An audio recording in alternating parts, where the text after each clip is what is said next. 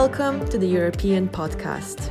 Today's episode is a recording of a conference, Winners and Losers of the Pandemic, the Visegrad Outlook. The pandemic has transformed the social and economic fabrics of the Visegrad countries. It laid bare weaknesses and strengths of its political system. The conference discussed the impact of the pandemic on the V4 countries and strived to analyze differences and similarities in their response to the crises. It discussed which sectors of the economy suffered most and which ones experienced unprecedented growth. It asked about the possible future developments which may occur as a result of the great shift in the global system, and so considered the growth of digitalization and the expansion of green policies. Finally, it presented lessons for the V4 region in regards to its social and political sectors. You can find the link to the full discussion in the description of the episode. Welcome to the online debate Winners and Losers of the Pandemic, the Visegrad Outlook. This event is held as a part of a project that was supported by the International Visegrad Fund. My name is Zuzana Gabrizova. I'm the editor in chief of Euractiv, uh, Euractiv Slovakia, and I'll have the pleasure to moderate the debate. I'm very pleased that we have managed uh, to get here four very distinguished speakers today. So it's uh, Ms. Danuše Nerudová, economist, rector of Mendel University in Brno from Czech Republic. With us today is also Ms. Agota Scharle, senior researcher and executive partner of Budapest Institute from Hungary. We have here also with us uh, Ms. Miriama Letovan-Cvetkovska. Until recently, she was the director of the implementation unit of, in the Office of Government of the Slovak Republic, which is a unit that is tasked uh, with monitoring and supporting the implementation of reforms by the ministries. And last but not least, uh, here with us is also Mr. Pavel Sliwowski, head of strategic uh, team of Polish Economic Economic Institute from Warsaw. So I'll suggest uh, let's start with some basic uh, basic diagnostics to, to use the pandemic language, and we'll see whether we will find some some common features uh, common features there. And I would like to start uh, in the Czech Republic with uh, Ms. Nerudová.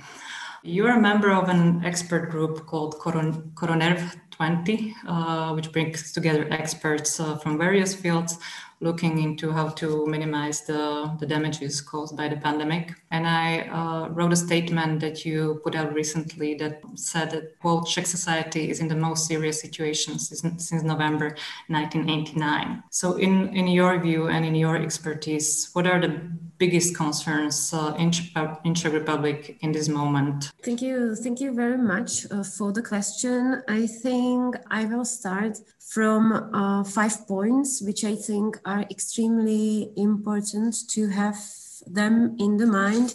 And I, as I have been thinking about those five points, I do not think that it's just a specific of the Czech Republic. I think that those points are varied in broader context, not only for Visegrad countries, but also for the whole EU. We see uh, COVID as a great accelerator a great accelerator of changes.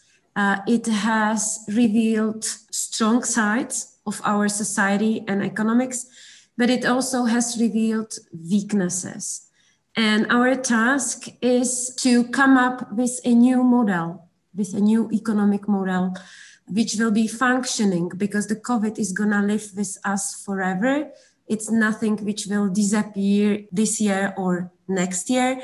And I think that we should urge people to know that the, the thinking that uh, after COVID we will get into a normal life, that it's something which seems to be a fairy tale because the accelerator has changed everything society and the economics. So we are searching for a new model. So the first point I would like to speak about is the change and transformation we need to uh, transform the way we are thinking. We need to change our thinking. And then, as I said, we are searching for a new economic model because our society, since Second World War, we have been fixated purely on GDP growth. And this COVID crisis revealed that it has really weaknesses you have been, fa- or we have been, all the Visegrad countries, even e- all the EU, have been facing the situation in the spring where we have been critically missing things as face masks due to the fact that we have been fixating on the GDP growth, just purely GDP growth, searching at cheap labor power. Therefore, uh, we have to change our way of thinking and we have to concentrate on sustainability. And the concept of sustainability should really be reflected in all the policies the states are doing. So we are searching for a new uh, economic model which will really take into account sustainability. Another, uh, another point is trust. Trust is extremely important in the fight with COVID. I once I have been speaking uh, with with the person who was a Nobel laureate in, in genetics, and we have been given the question what the world would be without science. And my question is, it would be world without future. And I think that we really need to renew a trust in science. We have to we have to fight with fake news and populism because it's really the weak side of our fight with COVID. Therefore, trust the renewal of trust in governments,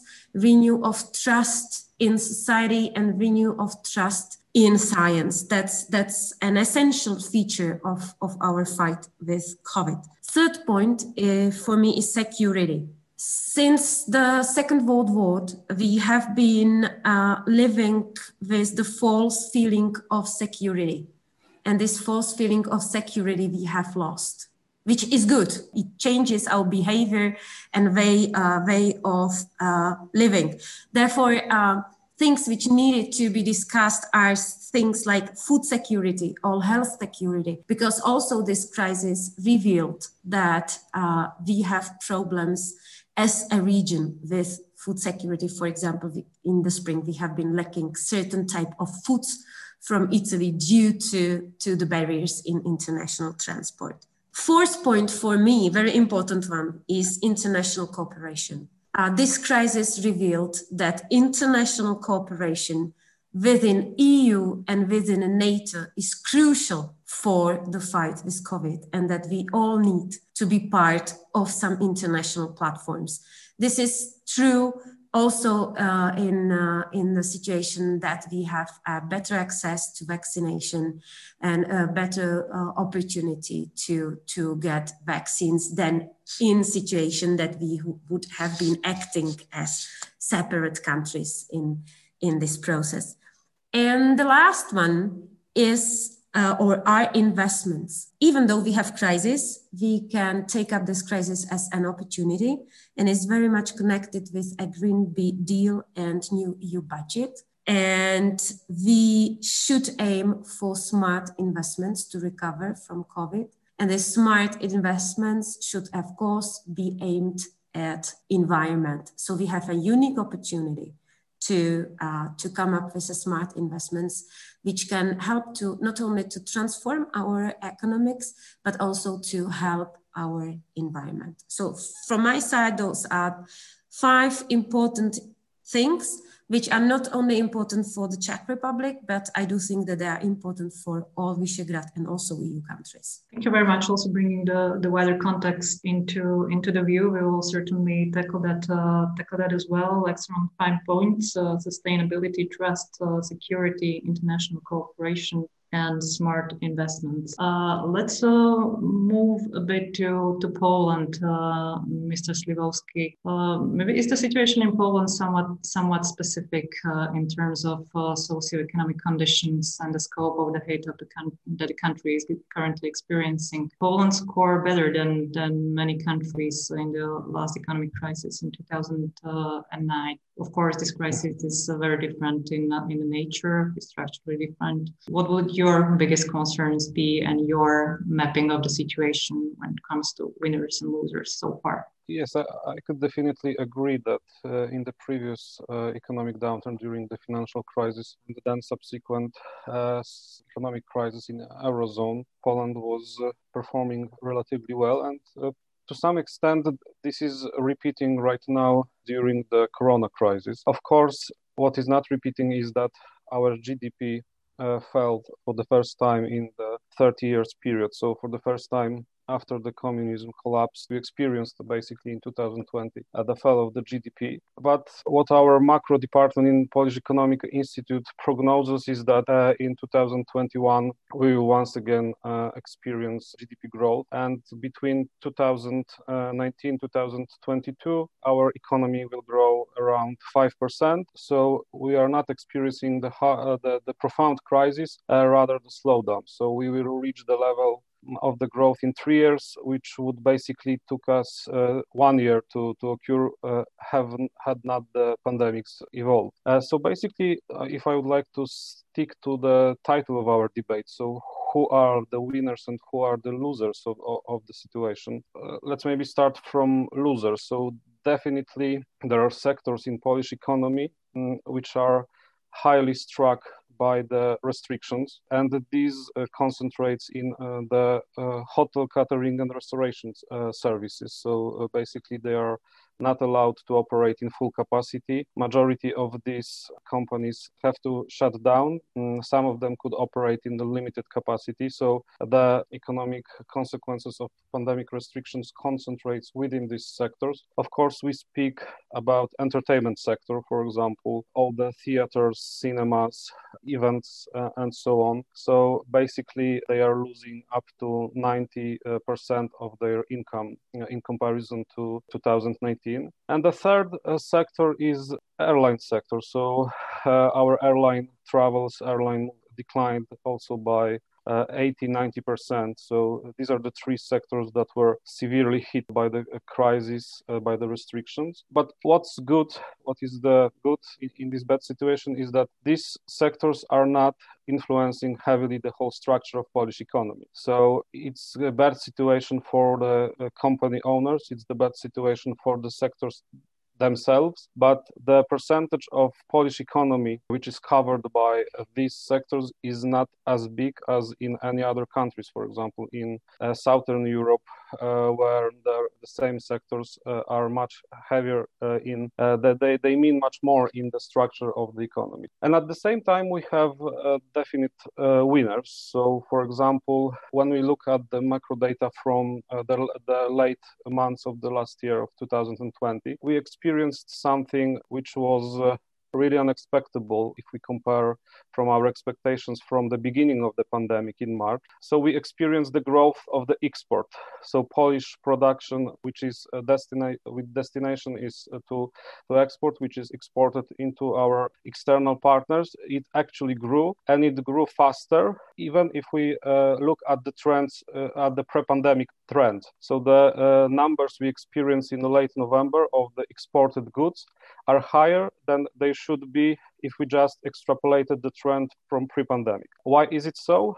we guess that in the all surrounding economies, in our worldwide partners, people were tend to restrict their service uh, uh, consumption. So they stayed at homes. They were not able to consume as much services as usual. They somewhat switched towards uh, good goods consumption. And Polish economy is heavily influenced by the productive sector. So the things like furniture, household appliances, uh, uh, all the electric stuff that we produce, and uh, and similar stuff, they uh, the consumption of such goods increased. We see this also in Polish in data from Polish stores. Thank you very much uh, for analyzing the, the macroeconomic impacts on Poland of the pandemic. Uh, let's now move for uh, to to Hungary. I had a different situation situation still. In 2009, it was uh, pretty hardly hardly hit. What uh, are maybe in Hungary the biggest uh, revelation about the social and economic realities in the light of the of the pan- pandemic? Right. Um, let me first um, reflect on, on what I heard about Poland and, mm-hmm. and, and, the Czech Republic. So the, the overall picture seems more similar to, to the Czech experience and, and less uh, similar to, to the Polish one. So the, the overall fall in GDP was, was roughly similar to, to what uh, uh, the Czech Republic experienced. In terms of winners and losers, Hungary had a similar story. So we had the, the usual suspects, um, um, tourism and, and uh, catering suffering the most, as, as well as uh, transport. And we also see this pattern of, of large exporters losing less than than uh, the others, and and also typically the, the Hungarian losers are smaller domestic owned firms in services and especially in other what we call other services including entertainment and, and personal services etc and and yes probably as, as i don't think that that was mentioned before but um, construction also weathered the, the crisis relatively well obviously because in, in march and april um, we had uh, they could work outside in, in open space. Let me also add um, that I, I, see a problem with, with, the availability of data. So whatever we say depends on aggregate statistics so far and, and uh, some micro studies that tell um, the story of, of, what happened at the, the, micro level, which is, I think, the, the most important aspect or, or dimension in this crisis. But the, the aggregate statistics are not very good at capturing what's going on because we had um, lots of um, some new phenomena. So just to give you an example, if you look at aggregate uh, employment figures in Hungary, you see a fall of around three percentage points during um, the first phase of, of, the of the pandemic. But in reality, if you adjust for the actual number of hours worked, the fall is twice that, that big. It's around six percentage points. And, and the, the reason why is that something around 11% of, of the of, of uh, the labor force went on holidays in the middle of the spring when, when we usually don't go on holidays. And and the other half i mean another 10% roughly went on on shorter working hours or didn't work at all or or uh, was uh, fired. So and this is not reflected in the overall unemployment um, or end employment figures Ms. Litovanets, Slovakia situation was uh, in the pandemics uh, was somehow specific uh, also by the, given the fact that uh, the onset of the pandemic happened in the midst of transfer of power here uh, after after the elections. In your view, what structural weaknesses uh, of, of, the state in in delivering basic services and the ability to respond to crisis um, we have witnessed in Slovakia? As you mentioned, right, basically we were probably the only government in the V4 and broader space which faced uh, the government change in uh, in the in the late February election and then in mid-March uh, constitution of the new government and uh, the new new program manifesto was uh, basically approved. And uh, this happened in the in this um, I would say in the starting phase in the starting phase of the first wave of the corona uh, crisis which uh, had two impacts I would say on on the Slovak citizens and the situation here the one is that, uh, of course, uh, usually the theory says that the new government needs more like more six months firing period just to accommodate to the new role, and our government didn't have any time. They had to deal with uh, the outcome of the of the corona crisis, both in terms of health, so so positive uh, cases, as well as uh, regarding the economic uh, turmoil what, which, we, which we see here in Slovakia. The thing is that at the, at the beginning of the, of the first waves, uh, also the when we go to the macroeconomic numbers, the, the um, forecasts were more dramatic than the end of the an actual outcome of the 2020. The first uh, projections were about 10% deficit of GDP.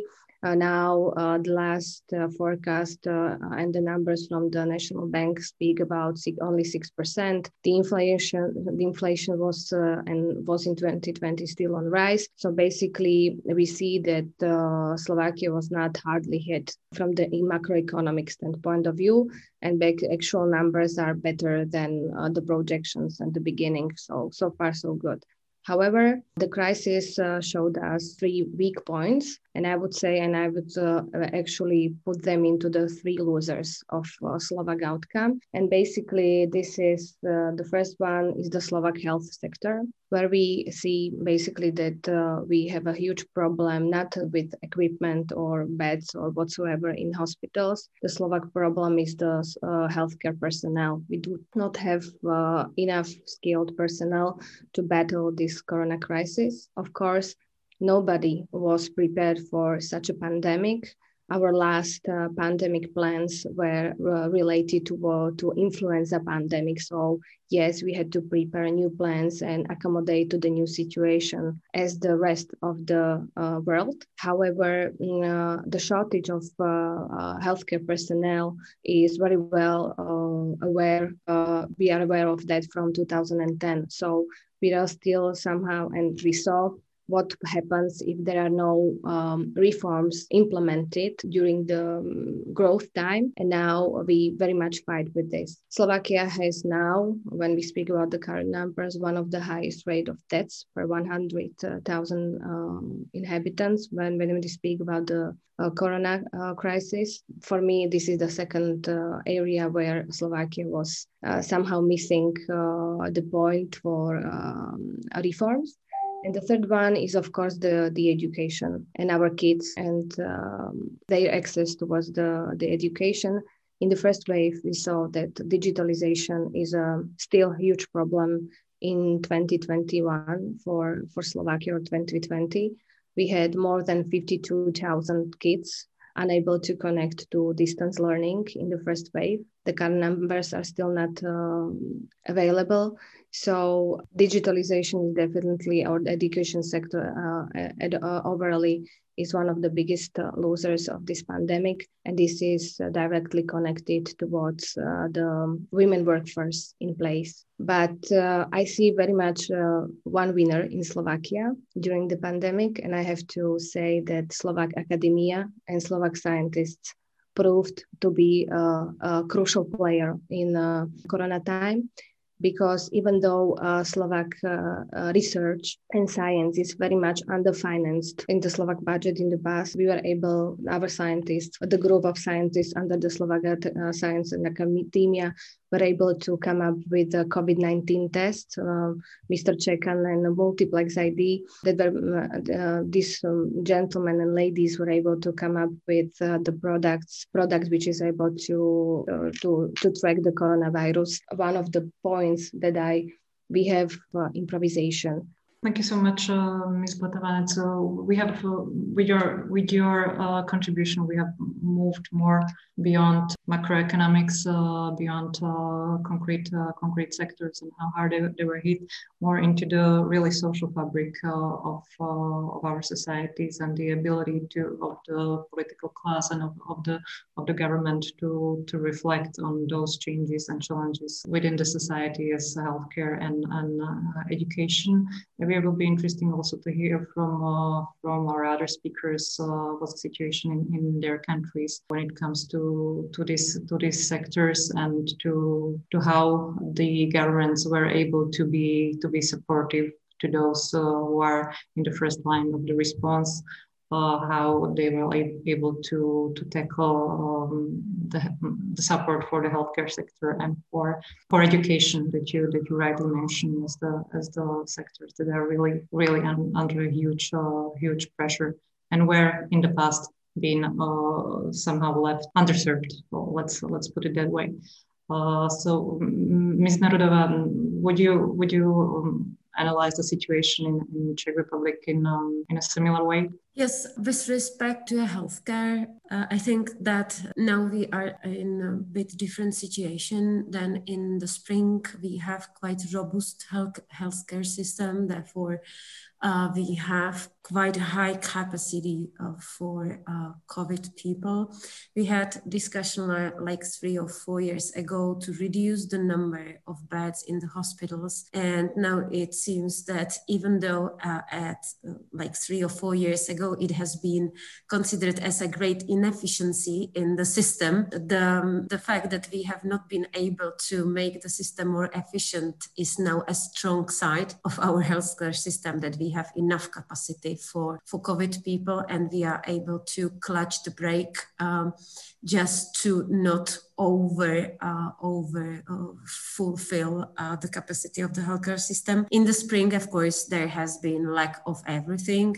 However, uh, now uh, because we had we have a very strong uh, nanotechnological sector in the Czech Republic. And even without a great support, I mean, uh, now at the moment, uh, this nanotechnological sector, of course, has been established with, uh, with uh, public money because uh, those are the money which have been invested in research and science, but we had no a special support program for nanotechnological sector, but it has boosted up uh, during the summer and now the production of nanotechnological sector um, in the czech republic is covering all the needs of the czech republic with respect to face mask and the other stuff which is which is needed needed in the hospitals. Uh, therefore this is i think a bit uh, different situation than in other countries. Of course that we are lacking enough uh, human capacity.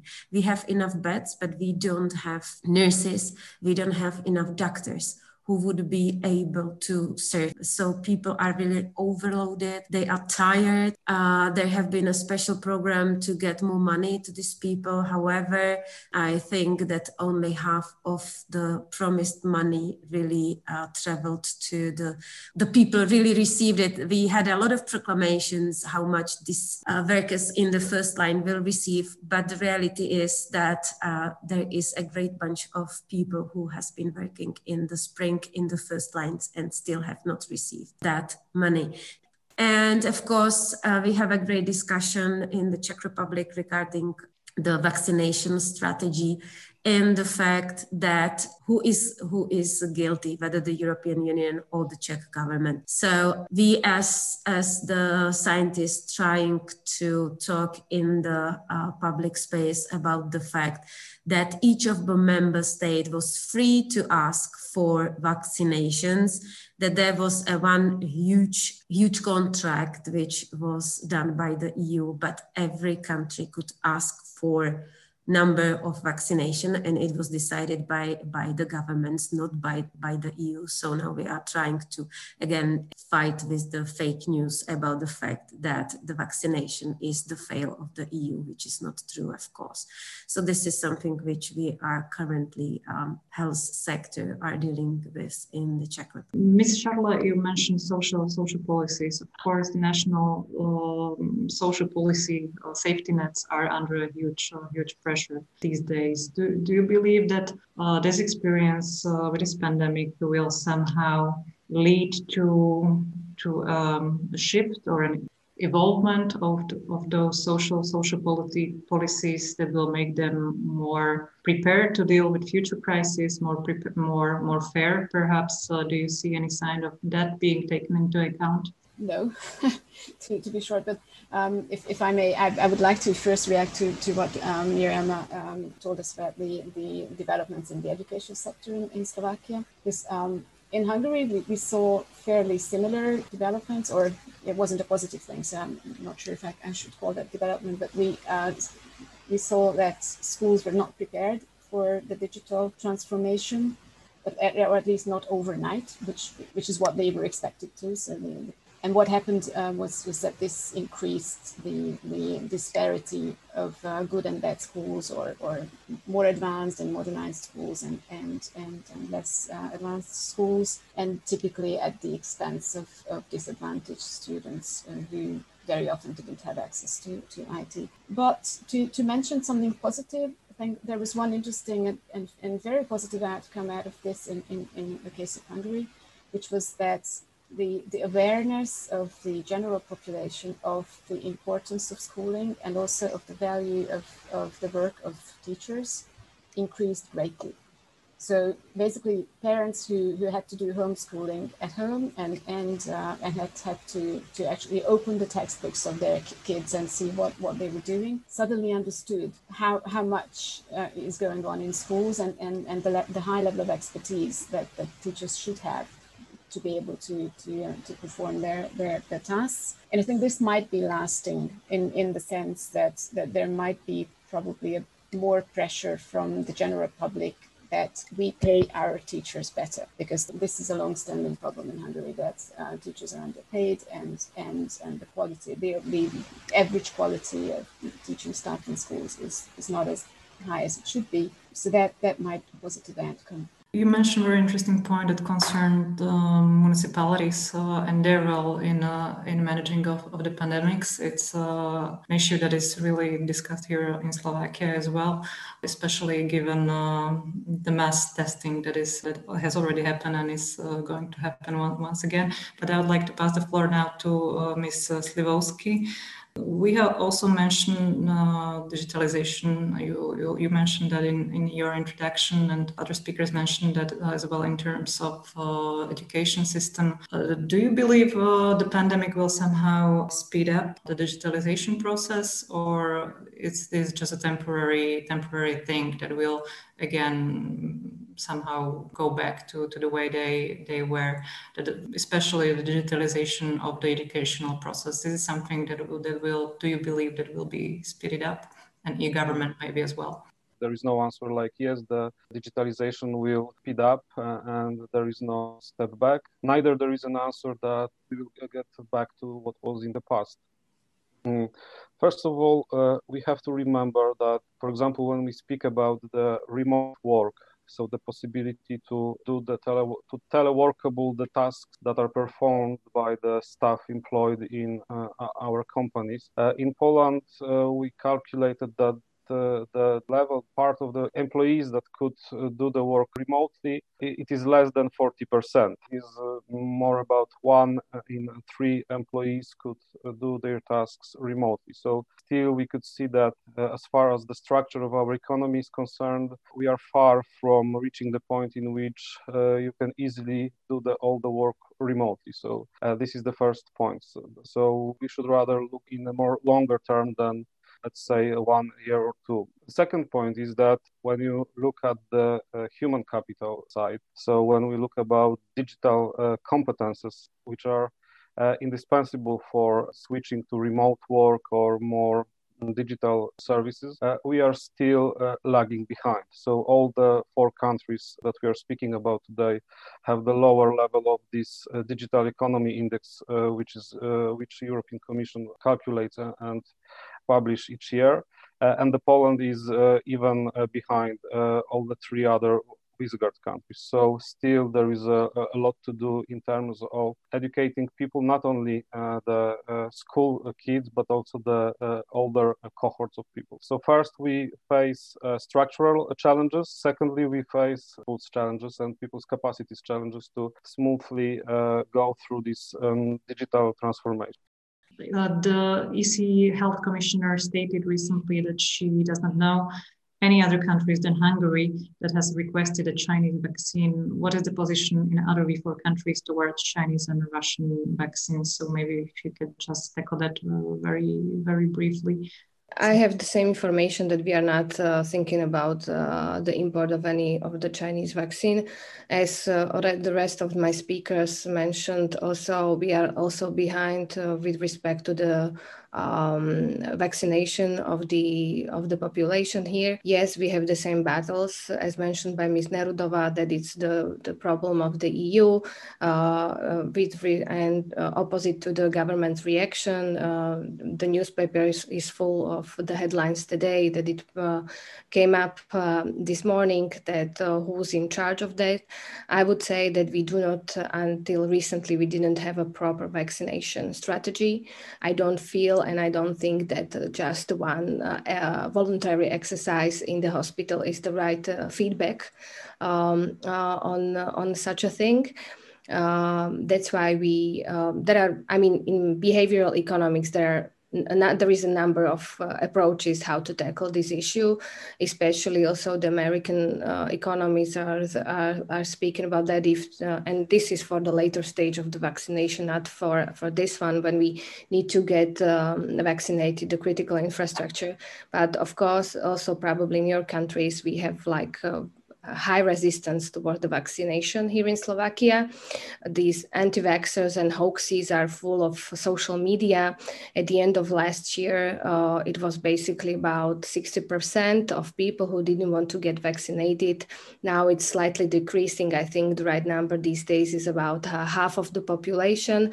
So basically, there are different nudges and models of charities and lotteries how how the ordinary people uh, here in the country one one uh, might be vaccinated if uh, there is the amount of vaccine at the end of the day uh, available because i think that this is also one of the issues that we are discussing these days that uh, of course when once uh, there is uh, somebody from doctors or other critical infrastructure who can be today as proposed and planned to be vaccinated there should be a reserve list for people who might be vaccinated that day so we do not waste the vaccines at the end of the day in poland are there any plans to mm, somehow mm, distribute a portfolio of, of, vaccines outside those being uh, provided by the European procurement?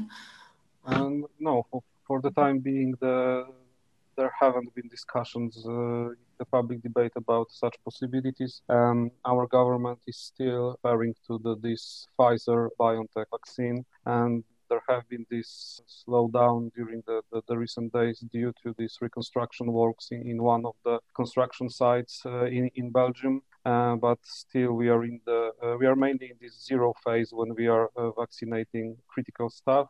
And in, in the, uh, the, following days we are switching to this elderly group mm, to, to vaccinate them. So there are no discussions about chinese or, or, or russian vaccines till now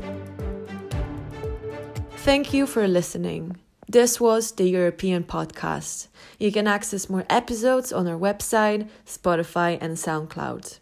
The project was co financed by the government of Czechia, Hungary, Poland, and Slovakia through Visegrad grants from International Visegrad Fund. The mission of the fund is to advance ideas for sustainable regional cooperation in Central Europe.